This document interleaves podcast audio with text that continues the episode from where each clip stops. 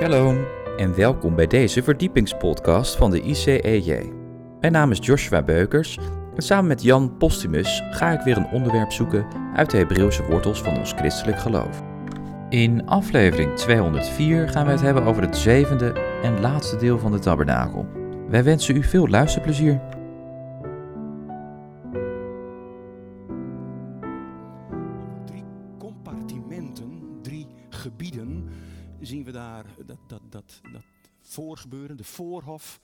We zien daar het heilige onder de kleden en daarin zien we dan ook het derde compartiment waar we het vanavond ook met name over zullen hebben. Dat is het heilige der heiligen. Nou, vervolgens hebben we, dan moet ik even dit ding ook weer even aanzetten.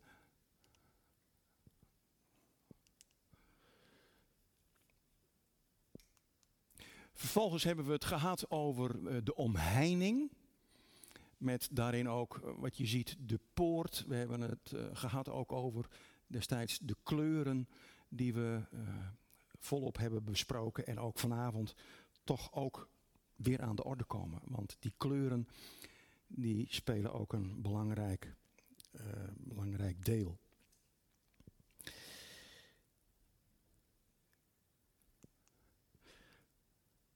Dan krijgen we het, eh, het brandofferaltaar, wat ook in de voorhof staat. Nou, daar hebben we het ook uitvoerig over gehad. Hoe en waar dat van gemaakt is. Vervolgens zagen we er ook in de voorhof het wasvat, waar de voetwassing, handenwassing ook plaatsvond door de priesters. We hebben het uitvoerig gehad ook over de kleding van met name de hoge priester. En die komt vanavond ook eh, weer helemaal terug. Ehm, die, die kleding die, eh, die we daar zien, bovenkleed, onderkleed, eh, de, de, de dingen de, op, op de borstkas, op de schouders. We hebben gezegd van de hoge priester draagt eigenlijk Gods volk op zijn schouders, zo ook de almachtige God van Abraham, Isaac en Jacob, die zijn volk op de schouders draagt. Inclusief de efot die we daar ook zien. Vervolgens hebben we het ook gehad over de kleden, vier kleden die over het heilige en het heilige der heiligen liggen. Ook van bepaalde stoffen gemaakt, ook met een betekenis waar we het over gehad hebben. Nou, dan komt een, uh, een prachtige boom, Johan. Dit is de, de acacia-boom. Nou, met zijn, prachtige kruin, maar ook met grilligheid, ook met wortels die, uh, ja, die, die, die best diep in de grond zitten. We hebben daar uitvoerig over gesproken. En ik, ik, als, als, je, als, je, als je met name de Bijbel leest in, in, het, in de boeken van Mozes, uh, met name Exodus. Uh, en, en, en, je ziet waar dat dan, uh, waar, waar de tabernakel, waar de, waar de altaren van gemaakt zijn, waar de ark van gemaakt is, waar we het vanavond ook over zullen hebben. Dan is dat van acaciahout. Toen dacht ik, van hoe is het mogelijk? Want toen hadden ze nog geen uh, flexmachines, uh, geen elektriciteit en weet ik wat allemaal. Ik vraag me af van hoe hebben ze dat in godsnaam zo mooi uh, gehad om, om daar planken en weet ik wat van te maken. Johan, toch? Bijtelen, ja. Ja, nou ja, dat zal, onget dat, dat zal ongetwijfeld hebben ze daar materiaal voor gehad. Maar dan, dan, als je daar dan mee bezig bent en je ziet die plaatjes, dan denk ik van hoe is het mogelijk om van, van zo'n boom iets prachtigs te maken. Um, nou, dan zie je vervolgens hier uh, de ingang naar het heilige, waar die pilaren ook staan met de kleden daar, daarbovenop. Nou, daar hebben we het ook over gehad. En dan in het heilige, daar staat onder andere de menorah, de zevenarmige kandelaar. En eigenlijk is de middelste, Nou, dat, dat, dat, dat, dat, dat is de drager die in principe de resterende om zich heen verzamelt. En dat, dat, dat heeft God gezegd. Het, het is als het ware een, een, een, een, een licht schijnsel waarvan God gezegd heeft, zo moet je het maken, met goud overtrokken. Nou, ik heb thuis, ik heb thuis ook een, uh, een kandelaar. Nou, ik, ik, ik vond het altijd prachtig om mee te nemen ook. Maar nu, nu, nu je weet dat, dat dat een instrument uh, is geweest die in de tabernakel stond, waar, uh, waar de, de, de priesters continu olie in moesten doen. Nou, dat, was, dat, dat, is, dat is door God bedacht. Dus die, die, die menorah die ik heb thuis, die, die, die krijgt door dit een zekere meerwaarde. Nou, dan zie je ook daarin dat heilige liggen de toonbroden op een tafel. Twaalf in getal. Ook belangrijk. Hebben we het ook over gehad. En we zien nog een altaar ook. Geen brandafvalaltaar. Maar we zien daar het altaar waar, waar, waar eigenlijk uh, het, het, het, het reukofferaltaar, waar de geuren en de kleuren van de oogst en het meel uh, eigenlijk uh, naar God werden gebracht. Als je het hebt over de, de compartimenten, dan, dan, dan zie je die, die drie in de tabernakel vertegenwoordigen eigenlijk ook, die vertegenwoordigen Jezus als, als de Messias, als de Zoon. Dat, dat, dat is de voorhof met het, het brandofferaltaar waar uh, geofferd werd. Nou, Jezus is het volmaakte lam van God wat geslacht is als het ware aan het kruis van Golgotha dat, dat, dat, dat is daar de plek, de voorhof. En het heilige is de plek waar in de tijd van uh, de Israëlieten uh, lopend, uh, werkend door de woestijn, dat was de plek waar de priesters kwamen. In de voorhof kwam, kwam nou ja, noem het maar het voetvolk. Daar kwam, daar kwam Jan en alle man. Die kwam daar. In het heilige, dat was de plek van de priesters. Nou, die deden daar dienst onder andere. En dat, dat, als, als, we, als we kijken naar, naar de feesten, die, die belangrijk zijn voor, voor Gods volk, door uh, God zelf ingesteld, dan, dan zien we dat, dat uh, het, het feest van het offeren te maken heeft met Pesach. Dus de voorhof zou je ook kunnen vertalen naar het feest van de Heer Jezus. Zo is het heilige de plek waar als het ware uh, een, een, een, reukoffer uh, naar God opstijgt. En, en, en nou, dan zie je ook, dat, dat is het wekenfeest, het, het wordt bewogen voor Gods aangezicht. Dat is de plek van de Heilige Geest. Het feest van de uitstorting van de Heilige Geest, Shavuot het brengen van het meel, van het graan en het reukwerk wat opstijgt naar de Vader. Nou, en dan krijgen we straks natuurlijk krijgen we het heilige der heiligen. En daarin zien we ook een aantal dingen, onder andere een, een kist. De ark van het verbond. En die stond in het heilige der heiligen. En de ark van het verbond mag je zien als de troon van God. En daar kwam één keer per jaar, kwam daar de hoge priester. Aaron en zijn zonen en alles wat vanuit dat geslacht kwam.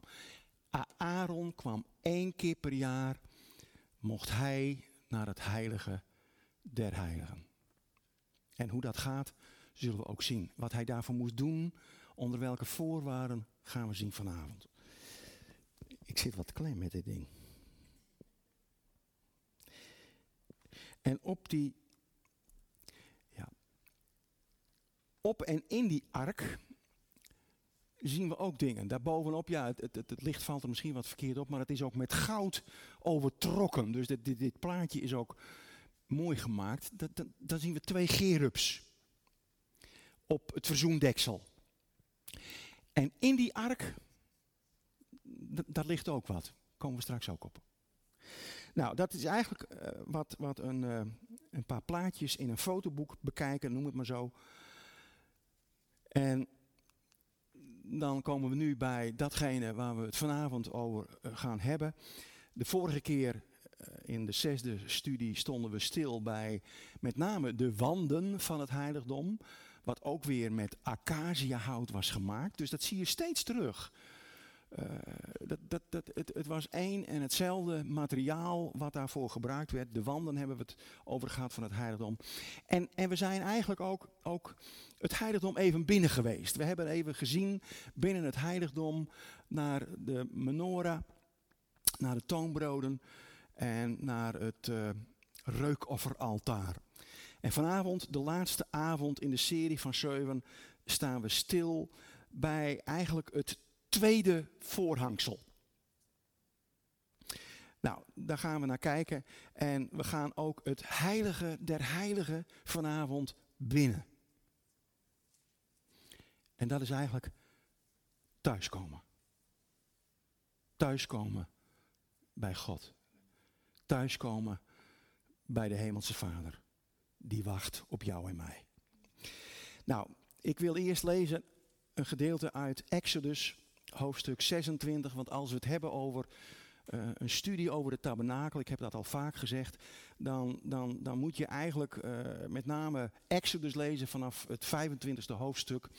En dan zie je hoe, hoe God dat ingesteld heeft, wat God bevolen heeft aan zijn volk om, om te doen. Uh, te bouwen. En als je eigenlijk de vervulling van dat uh, gebeuren, van de tabernakel, wilt ontdekken in het Tweede Testament, dan raad ik je aan om Hebreeën te lezen. Exodus en met name Hebreeën wordt ook veel gesproken over de tabernakel. Uh, Exodus hoofdstuk 26. Exodus hoofdstuk 26 vanaf het 31ste vers.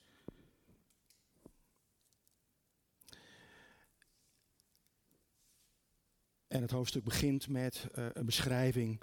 Uh, als pericoop staat er bij mij boven de tabernakel. Dus dan, dan kun je dat van tevoren natuurlijk nog eens thuis uh, doornemen. We beginnen even mee vers 31. Dan staat daar: Gij zult een voorhangsel maken van, en dan komen die kleuren weer, van blauw-purper, rood-purper, scharlaken en getweend fijn linnen met kunstig gewegen, geweven gerubs zult gij het maken. En gij zult het hangen aan de vier pilaren van acaciahout. Met goud overtrokken van gouden haken voorzien op vier zilveren voetstukken. Gij zult het voorhangsel onder de haken hangen en daarheen binnen het voorhangsel de ark der getuigenis brengen. Zodat het voorhangsel voor u scheiding maakt tussen het heilige en het heilige der heiligen. Gij zult het verzoendeksel op de ark der getuigenis leggen in het heilige der heiligen. Gij zult de tafel buiten het voorhangsel zetten. En de kandelaar tegenover de tafel aan de zuidzijde van de tabernakel. En de tafel zult gij plaatsen aan de noordzijde. Ook zult gij een gordijn voor de ingang der tent maken van blauw-purper, rood-purper, schelaken en getweend fijn linnen.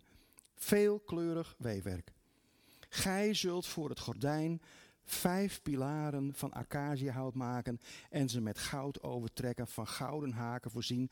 En gij zult daarvoor vijf koperen voetstukken gieten. Wat je hier ziet in dit gedeelte is dat God uh, opdracht geeft aan Mozes om datgene wat we zien in het heilige en het heilige der heiligen, om het volgens zijn uh, verordening te maken. Exodus 26, vers 31 tot 37. Bijzonder, je komt daar steeds weer die kleuren tegen. Uh, acacia hout, hetzelfde materiaal. En nou, dat is tot op detail zo geweldig mooi gemaakt. Wat we vervolgens uh, zien, is dat we binnen de tabernakel, ik heb het al gezegd, hebben we te maken met, met, met drie afdelingen, drie compartimenten. De eerste is de voorhof. Daar hebben we het uitvoerig over gehad. Het tweede is het heilige. En het derde is het heilige der heiligen. Nou, elk gedeelte, elk gedeelte is en was afgesloten met een gordijn. Dat zie je ook als je binnenkomt. We hebben het gehad over de poort. Uh, de poort binnengaan. Die, die, die was ook van dezelfde kleuren was die geweven en gemaakt. En de toegangspoort die was dus, dus dat, dat, dat, dat was het eerste voorhangsel als het ware. En dan zie je het, het voorhangsel wat, wat scheiding maakte tussen het heilige der heiligen en de voorhof. Daar waar die vijf pilaren, daar, daar hing ook een kleed, ook van dezelfde kleuren. En dan, dan zie je vervolgens in het heilige, zie je het heilige der heiligen ook afgeschermd met een, een voorhangsel. En ik heb, ik heb nog een plaatje waar. Het, je kunt misschien, ja, je krijgt de, de, dingen wel toegestuurd, maar even, even een, een, een dwarsdoorsnede van het heilige en het heilige der heiligen. Uh, nou, daar zie je de tabernakel als het ware, wat ook wel genoemd wordt in de Bijbel, tent der samenkomst.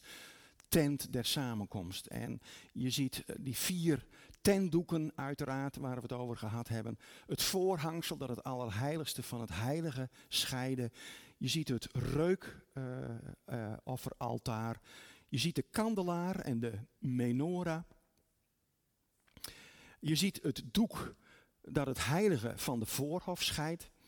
En het heilige, dat, dat, dat was het compartiment waar de priesters kwamen. Je zag en ziet daar ook de tafel met de toonbroden. En in dat allerheiligste, het heilige der heiligen, staat dan de ark van het verbond. De troon van God. Nou, dus, ik, vond, ik vond dit plaatje wel even mooi om te laten zien. De voorhof, die, die, die, die, die zie je dus even hier niet, maar die, die is nog voor uh, dat poppetje wat dus een priester, uh, de hoge priester ook, aanduidt.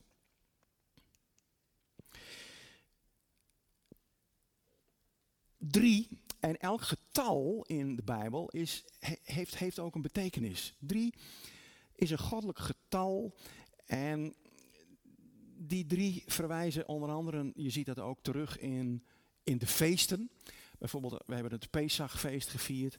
En de cedertafel die is ook altijd gedekt. En onderdeel van die cedertafel uh, zijn ook de matzes die daarop liggen. Er liggen altijd drie matzes. Nou, die symboliseren onder andere ook uh, de drie aartsvaderen. Abraham, Isaac en Jacob.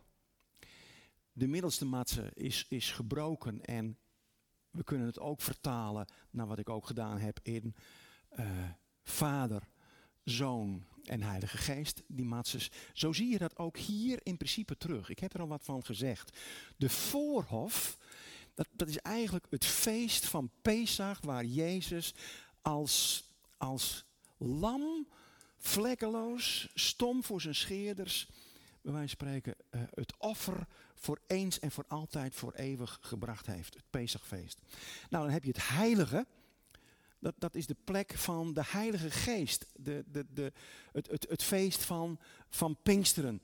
Nou, en het heilige der heiligen hebben we al gezegd eerder. Dat, dat is de plek waar God de Vader troont. En dat, dat is het, het, het feest van Loofhutten.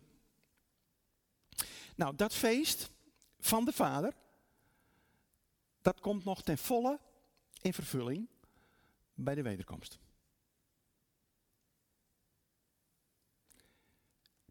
Pesach en Shavuot is vervuld in Jezus de Messias. En Shavuot is vervuld in de uitstorting van de Heilige Geest. Daar waar het volk Israël in de woestijn op de vijftigste dag na de uittocht de Torah kregen vanuit God. Gezien het woord, de leefregels, de leefinstructie. Zo kwam uh, na de hemelvaart uh, de Heilige Geest als de belofte van de Vader uitgestort over zijn volk. En 3000 mensen kwamen daar uh, onder, onder een wolk van de Heilige Geest, begonnen in andere tongen te spreken. En nou, wat dat betreft is mijn gebed ook dat ook tijdens het komende Shavuot wekenfeest er als het ware een ge geweldig wonder gebeurt in Israël fysiek op dit moment. Dat, dat, dat, dat de Heilige Geest toen 3000, maar ik bid nu honderden duizenden bij wijze van spreken aanraakt. Dat is, dat is een gebedspunt. Nou, dat, dat, dat, dat dat Shavuot, dat wekenfeest, die vijftigste dag na de opstanding van Jezus, is, is dus vervuld door de uitstorting van de Heilige Geest. En het feest van de Vader, dat krijgt zijn volle vervulling in het Loofhuttenfeest. Als de hele oogst, als het ware, wordt ingezameld. En nou, wij mogen daar zeker nu al ietsje pietje jaarlijks van proeven. Zacharia schrijft daar met name over dat alle volkeren in principe ook op zullen gaan naar Israël om het Loofhuttenfeest te vieren. Het feest, het feest van de Vader. En ik geloof dat de Vader verlangt naar dat feest. Naar die vervulling. Nou, vanavond staan we onder andere met name stil bij dat derde voorhangsel. Dat voorhangsel wat, wat dus voor die ark van het verbond stond. Nou, wat je ziet, ook in al die drie gordijnen, zowel in de poort als in het gordijn uh, daarbij het heilige, uh, daar zie je dezelfde kleuren terugkomen. En dan zie je dat, dat het witte, dat spreekt van reinheid. Het blauw spreekt van het hemelse blauw.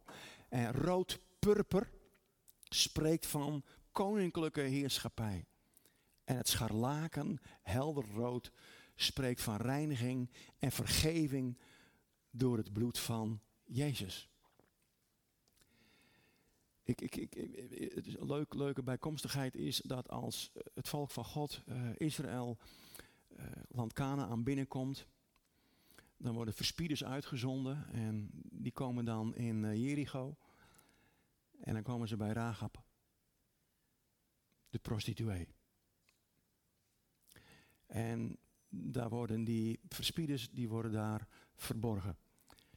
En eigenlijk doen die mannen een belofte aan die vrouw. Zorg ervoor dat als je een rood scharlaken koord uit je venster hangt, gaan we jouw huis voorbij. En wordt gered. Ook daarin zie je scharlaken terugkomen. Het spreekt van reiniging en vergeving door het bloed van het lam. Nou, die kleuren, die, die spreken ook over de, de heerlijkheid van, van God. Uh, ik, ik besef me steeds weer opnieuw, je komt ook vaak tegen de heerlijkheid van, van God als de ark op een gegeven moment uh, in Israël staat. En die wordt in de tijd van uh, Eli, als priester, wordt die buitgemaakt. Dan, dan staat er op een gegeven moment dat, dat, dat in die oorlog met de Filistijnen, dat, dat het volk schreeuwt om, om hulp. En, en dan, dan, dan, zeggen ze tegen, uh, dan zeggen ze tegen de legerleiding van wat we moeten doen is, we moeten naar de tempel. En we moeten we moeten de ark van het verbond moeten we onder ons hebben, want dan zullen we de overwinning behalen. En die ark die wordt dan buitgemaakt door de Filistijnen. En dan staat er op een gegeven moment in Samuel, dan, dan staat daar, de heerlijkheid van God verdween, verdween uit de tabernakel. De heerlijkheid van God ademt als het ware door die hele tabernakel heen. Als je binnenkomt, als je door de voorhof gaat, als je in het heilige komt. En ook als we zometeen wandelen vanuit het heilige naar het heilige der heiligen. Het is met, met, met goud overtrokken en, en een en al licht. De heerlijkheid van God. Nou, het derde voorhangsel verschilt ook van de eerste twee. Het, het, het voorhangsel in de deur, in de poort, maar ook daarvoor het heilige der heiligen. Uh, we zien dat het derde voorhangsel geweven is, was met gerubs daarin. En in Genesis 3, vers 24, dat, dat hoef je niet, uh, niet op te zoeken, maar daar lezen we dat op een gegeven moment Adam en Eva, als ze in, in de val vallen, de zondeval, in het paradijs, dan worden ze op een gegeven moment worden ze buiten het paradijs gezet. En dan komt er ook voor de Oostpoort, wat komt daar? De gerubs. Daar komen twee gerubs, als het ware als bewakers, als wachters. En uh, ja, zij moesten, die gerubs, die moesten, die moesten de boom des levens bewaken in het paradijs. Nou, het zijn, het zijn ook de bewakers van het heilige der heiligen. Je ziet, je ziet die, die, die, die gerubs, die zie je dus in, in, in dat kleed, voor die, dat voorhangsel. En, en dat voorhangsel, dat scheurt van boven naar beneden op hetzelfde moment als Jezus de geest gaf. Matthäus 27, vers 50 tot 51 dan scheurt, dan scheurt dat kleed. En, en, en, en die wakers, die gerupsen, die moeten in feite wijken ook voor het bloed van het lam.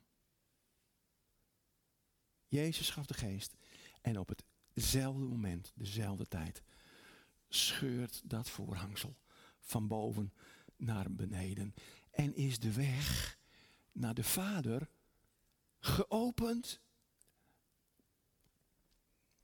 De deur is geopend door het offer van Jezus. Oh, die hebben we wel gehad, hè?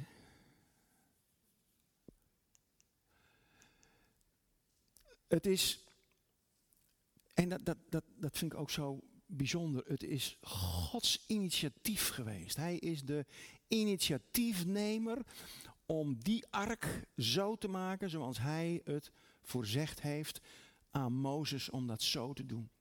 En hij heeft in alles, maar dan ook in alles voorzien. Tot op het kleinste detail. Alles wat wij niet konden doen, heeft hij gedaan. Nou, dit, dit, dit machtige heilsplan, dat moet je geloven. Of niet? Het is een van beide. Je gelooft het of je gelooft het niet. Nou, ik geloof het. Ik geloof het. En, en dankzij dat offer van Jezus, die, die bewerkstelligde dat dat gordijn scheurde, de weg naar de Vader open is, krijgen we als het ware toegang tot het Vaderhart van God. Bij Vader op schoot. Hoe mooi is dat? Nou, door de eerste Adam kwam de zonde in de wereld en ook de dood. Ook de dood. Zowel fysiek als ook geestelijk. En de tweede Adam, Yeshua, werd een levendmakende geest. Die de weg gebaand heeft naar de Vader. Ik heb wel eens eerder, misschien ook hier al wel gezegd, dat ik uh, vroeger een, een, een lied uh, hoorde zingen en ook zelf meegezongen heb in, uh, in de kerk.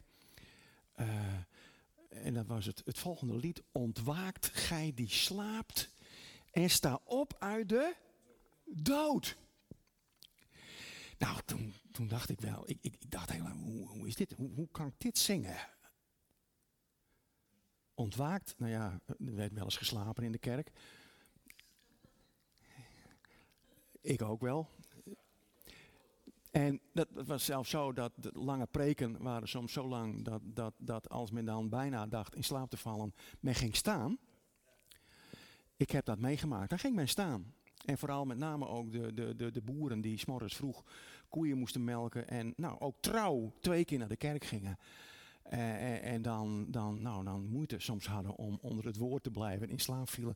Dus dat, dat lied, toen we dat zongen, dacht ik van ontwaakt gij die slaapt. Ik denk van nou, dat is vast voor die boeren die dan uh, zo nu en dan eens wegvallen, wegdommelen.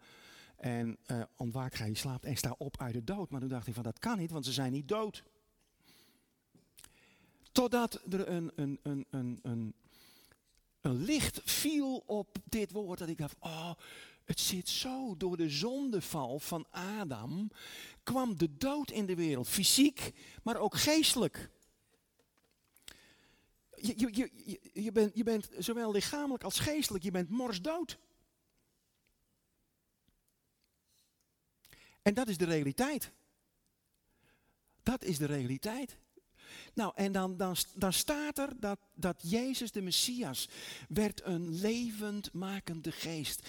Hij heeft jou en mij geestelijk uit de dood opgewekt. Nou, dat, dat, dat is bijzonder. En dat spreekt met name uh, over, over dat, dat verlossingsplan, dat reddingsplan. En daarom is het ook zo belangrijk dat we, waar we ook zijn, waar we ook spreken, in welke kerk we ook zitten, waar we ook naartoe gaan, dat Jezus wordt verkondigd. Het gaat om de Heer Jezus, wat Hij heeft gedaan. En als dat gaat ontbreken in de gemeentes, nou dan hoor ik jou een beetje zeggen, nou hou daar maar op. Nou, dat, dat denk ik ook. Predik Jezus, wat die gedaan heeft in jou en mijn leven. Hij heeft mijn en jouw dode geest tot leven verwekt. Amen. Ja. Nou, dan.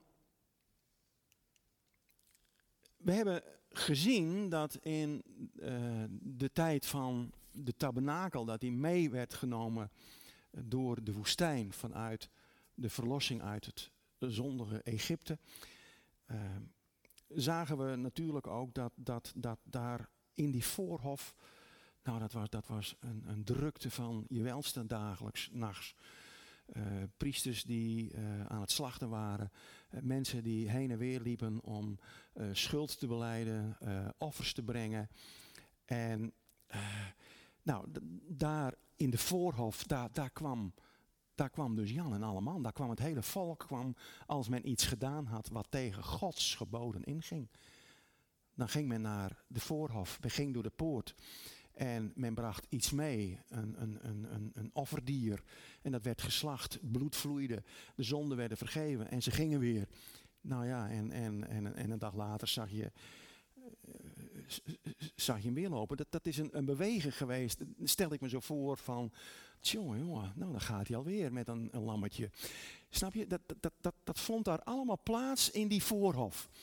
En, en de, de, de, de, de, de levieten en de priesters, nou man, dat was, dat was 24-7 uh, werk. Er stond geen stoel, ze konden niet, niet, niet zitten. Ze waren continu waren ze in beweging. Nou, volgens Leviticus, laten we dat, dat even zoeken. Leviticus 16, van vers 1 en 4 moest de hoge priester, want de hoge priester was degene die het heilige der heiligen één keer per jaar in mocht. En de priesters, die waren in het heilige vertegenwoordigd en uiteraard in de voorhof, waar ze ook dienst deden. Leviticus hoofdstuk 16. Het woord dat spreekt dan het volgende, Leviticus hoofdstuk 16, vanaf vers 1, 1 tot 4.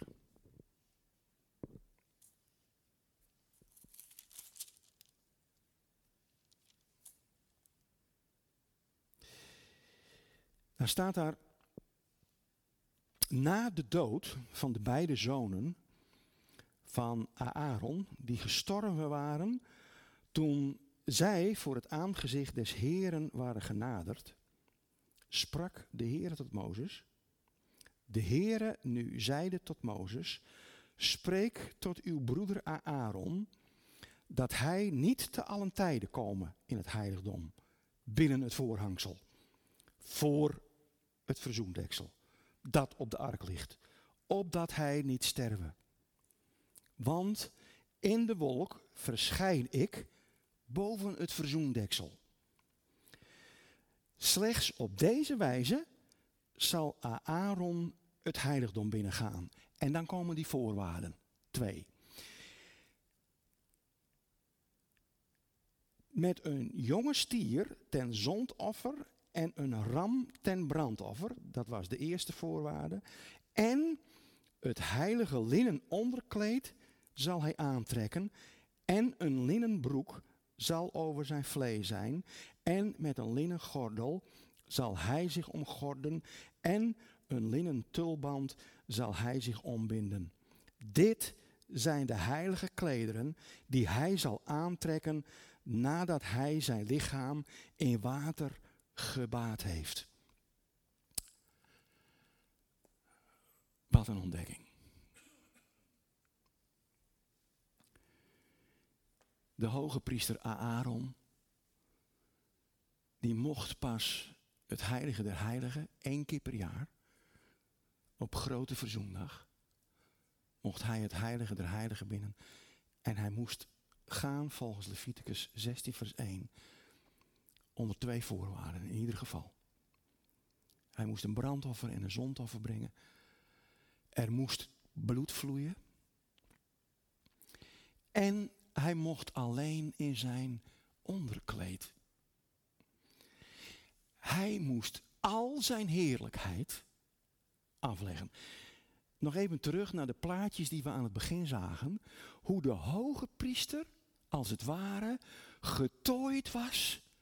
Nou, met, met pracht en praal. Dat moest hij afleggen. En, en, en dat, dat, is bijna een derde voorwaarde die eraan aan, verbonden is. Hij, hij, moest zich, hij moest zich ook baden. Hij moest zich wassen. Vorm van reiniging, dompeling. Nou, wat, wat, wat ook zo bijzonder is, is dat, dat, we, dat we hier zien de instructie die God aan Mozes geeft die die vervolgens aan Aaron, zijn broer, als hoge priester moest geven. Waar gaf God de instructies als het gaat om leefregels voor het volk? Waar gaf God die aan Mozes? Was dat in de voorhof? Was dat in het heilige? Of was dat in het heilige der heiligen? Wat denk je?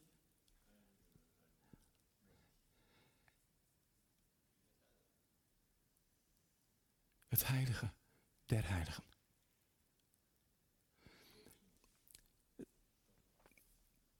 Dus even, even, even, even een, een, een, dus een mooie ontdekking. Mozes is van een andere ordening. Je ziet ook in de Bijbel, dat zullen we straks qua tekst denk ik nog tegenkomen. God sprak bij de ark vanaf het verzoendeksel met Mozes over alles wat hij voor het volk zou willen doen. En wat zij voor hem moesten doen. Mozes was dus van een andere orde die eigenlijk bij wijze van spreken in en uit mocht lopen. Hij was naar de ordening van Melchizedek. Hij was, Mozes was als het ware ook een koning, een priester en een profeet.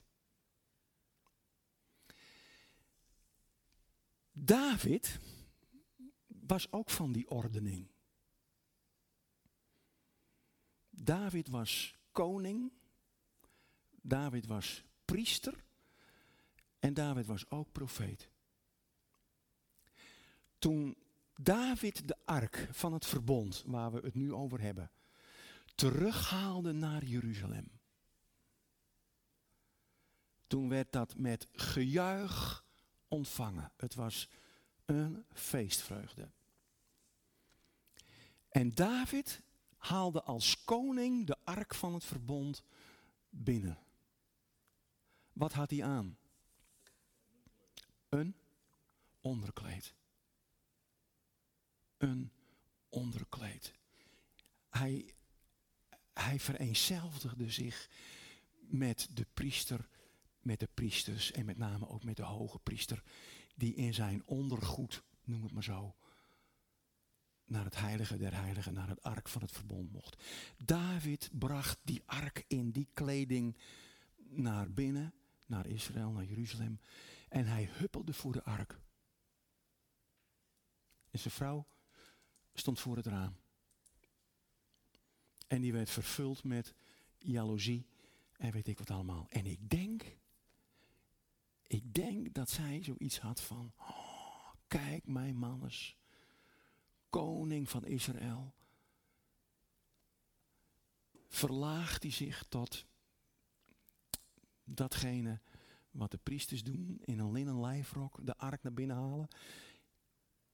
Zij heeft waarschijnlijk gedacht van nou eigenlijk joh, had je de koningsmantel, had je al de heerlijkheid, de pracht en praal die je als koning behoort te dragen, had je aan moeten doen. Nou, daar zie je dus in principe datzelfde beeld weer terug. Linnen lijfrok, linnen ondergoed. En, en David was ook een man van diezelfde ordening als Mozes.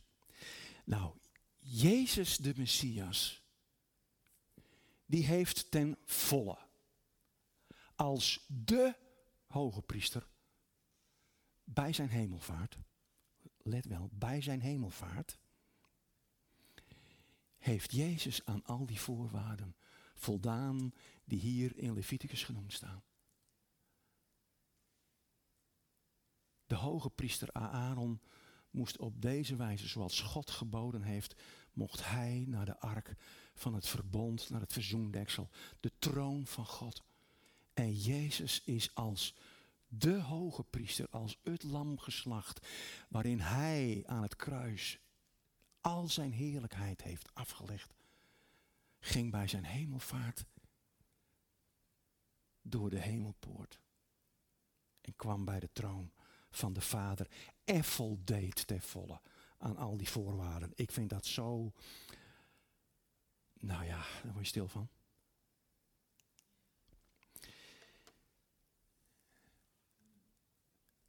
En dat zien we ook terug als je Filippenzen hoofdstuk 2, vers 6 tot 8 leest, gaan we niet doen nu, lees dat thuis. Dan staat er ook dat, dat de Heer Jezus zijn heerlijkheid heeft afgelegd. Nou, de Heer Jezus is met zijn eigen bloed. Daar zie je het weer. Hij moest, de hoge priester Aaron moest zijn heerlijkheid afleggen, zijn hoofdtooi, zijn pracht en praal als kleding, met de efot, alles moest hij afleggen. En in een linnen lijfrok moest hij gaan. Zo heeft ook Jezus met zijn, uh, met zijn, zijn kruisiging die heerlijkheid afgelegd. Filippenzen 2 vers 6. En hij heeft ook met zijn eigen bloed voor eens en voor altijd is hij het heiligdom binnengegaan. Waardoor hij een eeuwige verlossing verwierf een eeuwige verlossing. Aaron als hoge priester moest jaarlijks moest hij met Yom Kippur, grote verzoendag, moest hij naar de ark van het verbond, naar het verzoendeksel, om uh, vergeving, verzoening te vragen uh, voor hemzelf, voor het volk. En dat was, dat was een continu proces, jaarlijks. Nou, Jezus heeft als hoge priester, heeft dat uh, voor eeuwig uh, opgelost. En voor ons eeuwige verzoening en verlossing teweeggebracht. Nou, dan verwijs ik naar uh, Hebreeën hoofdstuk 9, vers 11 en 12. Nou, we hebben al eerder gezegd, toen Jezus de geest gaf, scheurde het voorhangsel door de volmaakte offers. Door die volmaakte voorwaarden waaraan Jezus kon voldoen. En de gerubs, die moesten wijken. Nou, ik, ik, ik, ik zou je bijna willen, willen, willen aanmoedigen. Nader vrijmoedig tot Hem met een waarachtig hart. Met een waarachtig hart. Hebreeën 10, vers 19 tot 21. God zegt, nader tot mij en ik zal tot jou naderen. Nou, en tot slot, ik denk dat we, dat we even doorgaan en dan na uh, datgene wat we, wat we delen, zo misschien aan het eind nog een bakje koffie drinken. Tot slot mogen we eigenlijk bij het lezen van Hebreeën 9, dat is, dat is een, prachtige, een prachtig gedeelte, mogen we als het ware het heilige der heiligen binnengaan. En daar zien we en daar ontdekken we de ark van het verbond als een tastbaar teken van Gods tegenwoordigheid. Het volk in de woestijn zag dat. Die zag, die zag, die zag die tent van de samenkomst, de omheining. Ze zagen de poort, ze wisten waar ze naartoe moesten, hoe ze er doorheen moesten. Ze zagen als het ware de rook en, en, en, en ze snoven de geur van de offers op. En, en ook het, het uh, reukofferaltaar, dat, dat zagen ze, tastbare aanwezigheid van Gods heerlijkheid. En, en de wolkolom en de vuurkolom, die, die op een gegeven moment als God sprak, bleef rusten op het heilige der heiligen. Ze zagen het. Ze waren getuigen. Nou, dat was, dat was tastbaar. Dat waren tekenen. Nou ja, daar, daar waren ze zeker, daar ben ik zeker van overtuigd, van onder de indruk. Nou, wat, wat stond er dan in het heilige der heiligen? Dat, dat, dat was een ruimte die was volmaakt. Ook qua het, het, het, het, het materiaal wat gebruikt werd. Alles was van goud, zowel binnen als buiten. En dat stond dus achter die laatste voorhang. En daar stond dan de ark als de genadetroon van God. Nou, Hebreeën 4, vers 16 zegt ook, laten wij daarom met vrijmoedigheid toegaan tot de troon der genade, opdat wij barmhartigheid ontvangen en genade vinden om hulp te verkrijgen te gelegener tijd. Nou, de ark van het verbond, die is, zo lezen we ook in Exodus, die is gemaakt opnieuw van acaciahout. En ook die was van binnen en van buiten met louter goud bedekt. En ook afgedekt met een gouden verzoendeksel. Nou, dan zie je, ik, ik sprak daar al over, vanaf het verzoendeksel, vanaf het verzoendeksel, tussen de beide gerubs, sprak God met Mozes over alles wat hij voor de Israëlieten gebieden zou. Exodus 25, vers 22. Daar staat dus dat, dat Mozes eigenlijk meer mocht dan Aaron, de hoge priester. Exodus 25, vers 22. Oh, wat, wat, wat, wat, wat moet dat een, een, een terugkerende, verlangende ontmoeting zijn geweest. Ontmoetingen tussen Mozes en, en, en, en, en God. En dat, dat lees je ook. God sprak tot Mozes. God zei tot Mozes. God, doe dit, doe zus, doe zo. En Mozes die vertolkte dat vervolgens aan het volk. Nou, dat was soms ook niet makkelijk. Dat was soms ook niet makkelijk. En er was ook opstand en weerspannigheid. Zullen we zien. Nou, wij worden, wij worden om niet gerechtvaardigd door de verlossing in Jezus Christus. Hem heeft God voorgesteld als zoenmiddel door het geloof. Romeinen 3, vers 23, 25 spreekt als het ware over het verzoendeksel, over Yom Kippur, over grote verzoendag. Nou, een oproep, kom thuis, kom thuis bij de Vader. Hij wil bij je wonen en hij wil tot je spreken. God, de Vader, wil zijn hart met jou en mij delen. Nou, als er balwerken zijn, barricades, die kunnen en moeten worden geslecht door gebed. En ik heb aan de lijve ondervonden en steeds nog opnieuw dat gebed een krachtig wapen is. Wat uh, ons uh, gegeven is. En nou, opnieuw ook een oproep om, om te blijven bidden, blijf volharden. Ook bij de gebeden, zoals we ook in handelingen kunnen lezen. Onder andere. Even nog een volgend plaatje. Wat in de ark was, als een beeld, want alle symboliek wijst en verwijst naar de Heer Jezus. Ook datgene wat in die ark lag. En we hebben aan het begin een plaatje, heb ik laten zien, een, een, een dwarsdoorsnede van de ark met daarin drie dingen.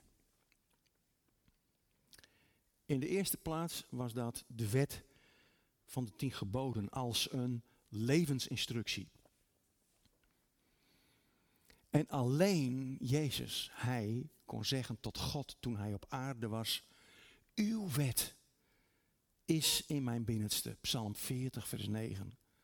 Zo droeg Jezus als het ware de wet van God in zijn hart. De levensinstructie.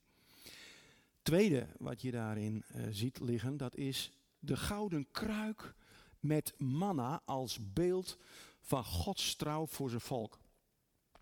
Jezus zegt in Johannes 6, vers 34, ik ben het brood des levens. Wie tot mij komt, zal nimmer meer hongeren. En wie in mij gelooft, zal nimmer meer dorsten. En dan lag er nog een amandelstaf van Aaron. En die heeft gebloeid. Tot een teken voor de weerspannigen.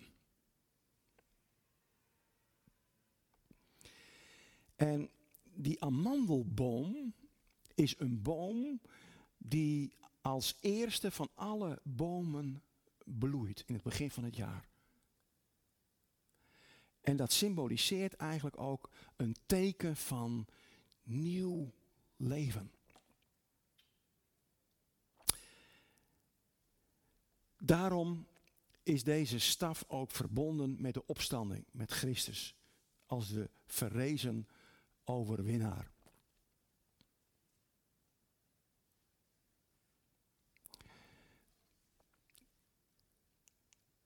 Samenvattend zou je over de hele serie, over wat dat betreft, welkom thuis bij de Vader kunnen zeggen. Samenvattend. We waren buiten, ver van God. We waren zondaars. We waren vijanden. We waren fysiek en lichamelijk dood. We hadden een grote schuld. En wij hadden het verdiend om in principe altijd buiten te blijven. Maar we zijn binnengekomen en we zijn binnengegaan door de poort in de voorhof. De Heer Jezus was en is de deur. We ontvingen vergeving en reiniging en verzoening. Bij het altaar zagen we de liefde van God voor ons die zijn enige zoon liet slachten aan het kruis, het brandofferaltaar. Daar vonden we vrede en verzoening met God. Zo kwamen we langs het wasvat in het gouden, in het gouden huis. En dan een laatste plaatje. Het overtrof al de verwachtingen toen we dat zagen. We zagen de rijkdommen van de Heer Jezus in de kandelaar, in de tafel en in het gouden altaar. De weg van geestelijke groei in het heilige. Door de kracht van de Heilige Geest. En door het gescheurde voorhangsel kwamen we in het hemelse licht rondom de troon van God. Daar is ons te huis. Daar wil God de Vader verloren zondaars hebben. Tot slot een vraag en ook een stilte moment even. Eigenlijk eh, is, is de vraag van in welk, er moet nog een K achter, in welk compartiment van de tabernakel bevind je je? Waar speelt jouw en mijn geestelijk leven zich af? Is dat in de voorhof? Ben je doorgegaan van de voorhof naar het heilige? En is er een belemmering, een blokkade om door het heilige en naar het heilige der heiligen te gaan? Laten we een moment stil zijn en dan sluit ik af met gebed.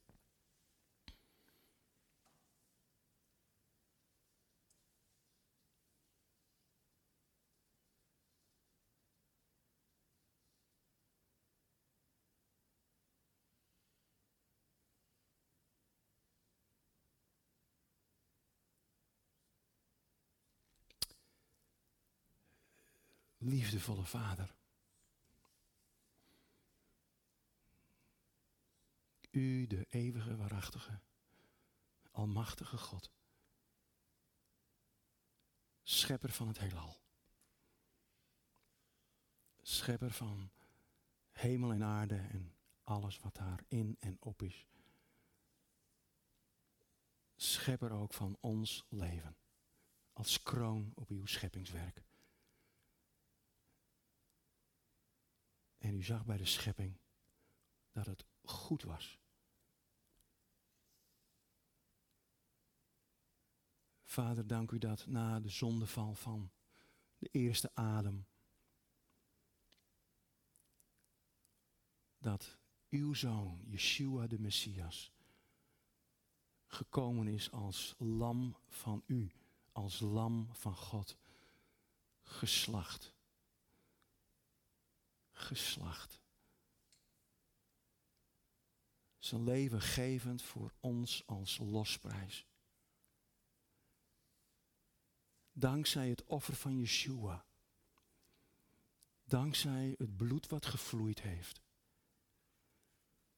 Dankzij de heerlijkheid en de gehoorzaamheid van Yeshua naar u toe. Zijn wij gered voor eeuwig. Tenminste, als we op dat aanbod van u en uw zoon zijn ingegaan. En als dat zo is, dan danken we u dat u mijn, onze dode geest hebt opgewekt uit die geestelijke dood. En dat we mogen zeggen, hem op het leven.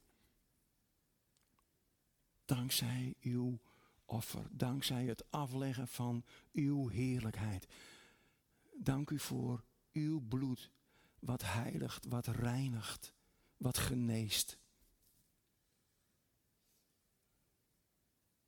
Dank u ook voor de belofte, de Heilige Geest die u, Heer Jezus, van de Vader uit de hemel gezonden hebt. Toen u daar binnenkwam, in een hemelse tabernakel. Toen heeft u de Vader gevraagd om de Heilige Geest als trooster te sturen naar deze wereld. En de Heilige Geest is in gehoorzaamheid gegaan. En hij is uitgestort. In de eerste plaats op 3000 Joden. Eerst de Jood en dan de Griek. En niet andersom. En die werden vervuld op een geweldige toespraak van apostel Petrus. Wat een preek. 3000 kwamen tot vervulling en doop met de Heilige Geest. En ik dank u, Jezus, dat u ons ook daarin bent voorgegaan. U bent na de waterdoop ook gedoopt met de Heilige Geest. U ging vol van de Heilige Geest de woestijn in, werd veertig dagen en veertig nachten verzocht door de duivel. Maar u hebt overwonnen. Nadat de duivel al zijn verzoekingen had neergelegd, droop hij af. En Jezus kwam, nadat hij vol van de Heilige Geest de woestijn ingegaan was, kwam hij in de kracht van de Heilige Geest de woestijn uit en begon zijn bediening. O Vader, dat, dat, dat verlangen hebben wij, dat heb ik. Dat we ook vol van de Heilige Geest, ook met kracht zullen uitgaan in de rest van ons leven hier op aarde. En dat we geïnspireerd, geheiligd, bemoedigd, aangespoord, aangevuurd, getroost, geholpen door de Heilige Geest als raadgever. Dat we dag in dag uit onder uw leiding, Heilige Geest, mogen gaan. En ik bid dat dat besef diep doordringt in ons hart. Want we zijn niet als wees achtergelaten. Dat heeft de Heer Jezus ook beloofd aan zijn discipelen. Mannen en broeders, ik zal jullie niet als wees achterlaten, maar ik zal de Heilige Geest als de belofte van de Vader sturen in mijn naam, zegt Jezus. En dat is gebeurd. De Heilige Geest is hier ook op dit moment aanwezig. En ik dank u dat we, dat we vol van de Heilige Geest onze handen mogen opheffen tot u. Als het ware een, een, een offer van dankzegging mogen bewegen voor uw aangezicht. En dat we dankzij u, Jezus, als het ware door het voorhangsel, het heilige der heiligen, mogen binnengaan bij de Vader. En de Vader verwelkomt je nu. Hij verwelkomt je. Hij aanvaardt je. Hij wil het hart van Hem delen met jou en jij met Hem. Nader tot mij, zegt God, als Vader, en ik zal tot jou naderen. En je mag in en uitlopen en je zult maaltijd met mij houden. Halleluja. Wees welkom bij de Vader. In de naam van Yeshua, de Messias, de koning der koningen en de Heere der Heerscharen, die troont bij zijn Vader, maar die terugkomt als de vredevorst. In Jeruzalem. Zijn voeten zullen opnieuw staan op de berg der olijven. En door de oostpoort in de muur de troon van zijn vader David bestijgen. Oh, we zien uit naar dat moment. Geprezen zij uw machtige naam. Wat een toekomstperspectief. Wat een toekomstperspectief. Ook al is de wereld zo verward, zo weerspannig, zoveel onrust, zoveel oorlog. Het komt goed. Het komt Amen. Bedankt voor het luisteren naar deze verdiepingspodcast van de ICEJ. Waardeert u onze podcast? Steun ons dan. Dat kunt u doen door een donatie of door deze podcast te delen met uw vrienden of familie. Meer informatie hierover vindt u op icej.nl. Volgende week volgt er uiteraard weer een nieuwe aflevering van deze verdiepingspodcast. Luistert u weer met ons mee? Ik hoop van wel. Bedankt voor het luisteren en tot volgende week.